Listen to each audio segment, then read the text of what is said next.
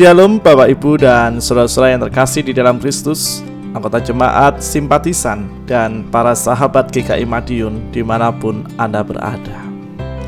Kita bersyukur kepada Tuhan karena hari ini kita memulai program doa pra Pentakosta di mana selama 8 hari ke depan kita akan merenungkan kebenaran-kebenaran firman Tuhan yang selalu memberkati, menolong dan menguatkan semangat pengharapan iman kita, baik secara personal maupun secara komunal sebagai sebuah gereja, di mana karya Roh Kudus selalu memberkati dan menuntun kita untuk mampu berjuang dan mempersaksikan iman kita di dalam dan bersama dengan Kristus.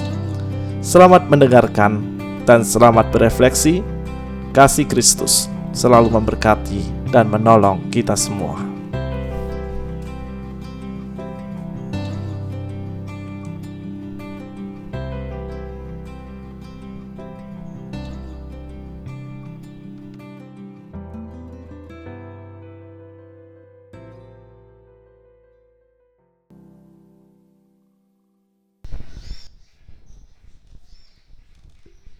Mari kita berdoa. Bapa yang Maha Kasih kami bersyukur Engkau tetap memberikan kami kesempatan pada malam hari ini. Sebelum kami mengistirahatkan tubuh kami ya Tuhan. Kami akan berefleksi dan kami akan merenungkan kebenaran firman-Mu. Kiranya kuasa dan kekuatan roh kudus-Mu yang akan menolong dan menuntun setiap kami agar firman-Mu terus menguatkan pengharapan kehidupan dan iman kami. Di dalam nama Tuhan kami Yesus Kristus, kami berdoa. Amin. Saudara-saudara yang terkasih, bacaan Alkitab pada malam hari ini diambil dari kitab Wahyu 22 ayat 6 sampai 9. Wahyu 22 ayat 6 sampai 9. Lalu ia berkata kepadaku, Perkataan-perkataan ini tepat dan benar, dan Tuhan, Allah yang memberi roh kepada para nabi, telah mengutus malaikatnya untuk menunjukkan kepada hamba-hambanya apa yang harus segera terjadi. Sesungguhnya aku datang segera Berbahagialah orang yang menuruti perkataan-perkataan nubuat kitab ini. Dan aku, Yohanes, akulah yang telah mendengar dan melihat semuanya itu. Dan setelah aku mendengar dan melihatnya, aku tersungkur di depan kaki malaikat yang telah menunjukkan semuanya itu kepadaku untuk menyembahnya. Tetapi ia berkata kepadaku, Jangan berbuat demikian. Aku adalah hamba sama seperti engkau dan saudara-saudaramu, para nabi dan semua mereka yang menuruti segala perkataan kitab ini. Sembahlah Allah. Demikianlah pembacaan firman Tuhan. Berbahagialah setiap kita yang senantiasa memelihara dengan menghidupi dan melakukan firman Tuhan ini dengan penuh sukacita dalam kehidupan kita sehari-hari. Saudara-saudara yang terkasih di dalam Kristus, gereja adalah persekutuan yang esa dari orang-orang beriman kepada Allah Bapa, Anak, dan Roh Kudus yang diundang dan dipanggil Allah untuk berperan serta ke dalam misinya. Misi Allah yaitu karya Allah dalam penciptaan, pemeliharaan, penyelamatan, dan pembaruan di dunia. Dunia di mana gereja hadir dan berperan serta ke dalam misi Allah, merupakan dunia yang selalu berubah dan berkembang. Oleh karena itu, kehadiran dan karya gereja bersifat terbuka, kritis, dinamis, dan kreatif sesuai dengan tempat dan waktunya. Saudara-saudara, salah satu perubahan yang dialami oleh dunia karena kemajuan teknologi informasi dan komunikasi serta pandemi COVID-19, yaitu semakin banyak kegiatan kita yang dilakukan secara online atau secara daring. Hal itu pun juga merambah dalam kegiatan gerejawi kita.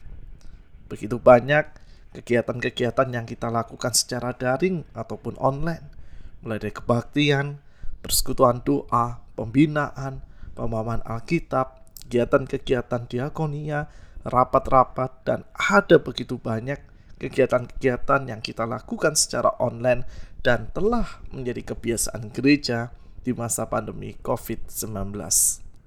Ketika situasi dan kondisi pandemi mulai membaik, gereja pun kembali menyelenggarakan kebaktian secara onset, bahkan juga secara hybrid.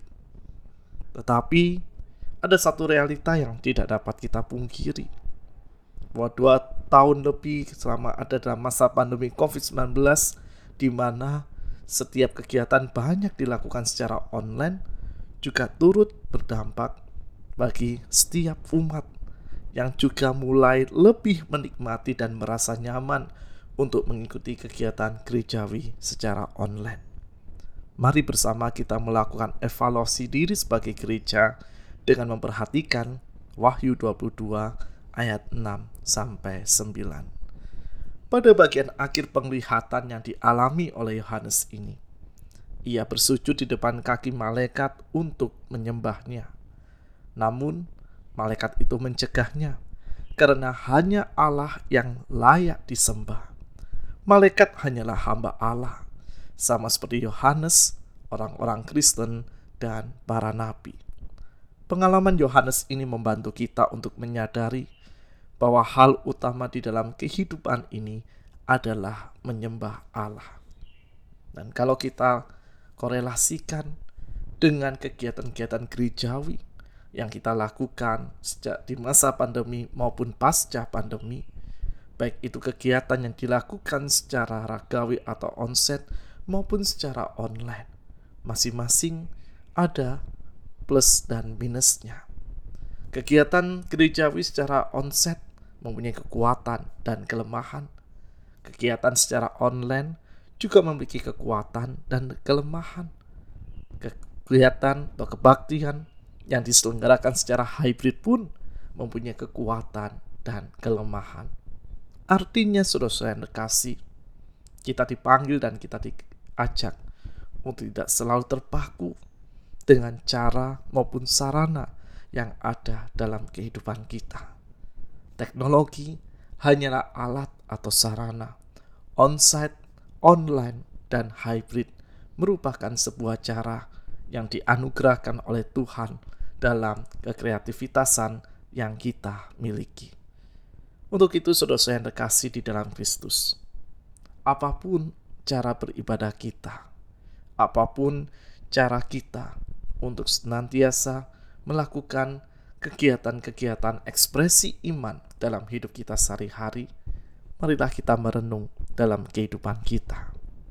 Sudahkah dengan semua cara yang kita ambil, dan dengan kemajuan teknologi yang sehebat apa pun ini, kita sudah dengan sungguh-sungguh menyembah Allah dengan sepenuh hati dan setulus hati.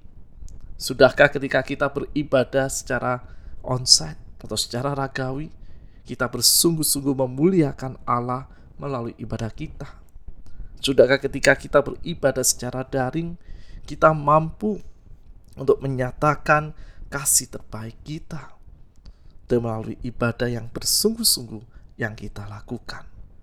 Dan sudahkah kita senantiasa mampu memahami apa yang sebenarnya menjadi kehendak Allah di dalam kehidupan kita ketika kita menyembah dan ketika kita memuliakan Allah. Marilah kita menyembah Allah kapan pun, di mana pun kita berada, dan apa pun yang terjadi marilah kita memuliakan Allah dengan seluruh keberadaan kehidupan kita, baik dengan cara online, dengan cara onset, ataupun dengan cara hybrid. Karena prinsip utama dalam kita menyembah Allah, bagaimana melalui kehidupan kita, nama Allah dimuliakan, dan kita pun mampu mendayagunakan kehidupan ini untuk menjadi saksi kasihnya. Tuhan Yesus menolong. dan Tuhan Yesus memberkati kehidupan kita. Mari kita berdoa. Bapa yang Maha Kasih, kami bersyukur bahwa dalam kehidupan kami saat ini dan di sini, kami memiliki begitu banyak cara dalam menyembah dan memuliakan namamu. Kami memiliki begitu banyak kreativitas di dalam mengekspresikan kehidupan iman kami bersama dan di dalam Engkau. Biarlah dalam segala rasa syukur yang mampu kami ungkapkan, kami pun mampu mengekspresikan iman kami dalam ibadah maupun dalam begitu banyak kegiatan-kegiatan gerejawi yang kami ikuti dengan terus berpegang pada sebuah prinsip untuk menjadikan ibadah maupun kegiatan gerejawi kami sebagai sebuah kesempatan kami untuk bersungguh-sungguh di dalam menumbuhkan iman kami maupun dalam kami belajar untuk memahami segala kehendakmu, belajar untuk menerima secara terbuka setiap sapaan kebenaran firmanmu, dan belajar untuk menjadikan ibadah pun kegiatan-kegiatan gerejawi yang lain. Sebagai sarana kami mengasihi Engkau mengasihi sesama, juga mengasihi seluruh ciptaan yang ada di sekitar kami. Tolonglah kami ya Tuhan dalam setiap kerapuhan diri kami, agar dengan hikmat dan cintamu, kami mampu bersungguh-sungguh untuk mengerti apa yang menjadi kehendakmu dalam kehidupan beriman kami. Kami akan beristirahat dan kami akan memasuki jam tidur kami. Kiranya anugerah dan berkatmu yang akan senantiasa menolong dan membimbing kami, sehingga melalui istirahat yang kami lakukan pada malam hari ini, menolong tubuh kami untuk kembali berpulih pada esok hari, sehingga kami mampu melanjutkan langkah kehidupan kami. Di dalam nama Tuhan kami Yesus Kristus, kami berdoa dan kami berserah di dalam Engkau. Amin. Selamat malam dan selamat beristirahat. Tuhan Yesus memberkati kehidupan kita.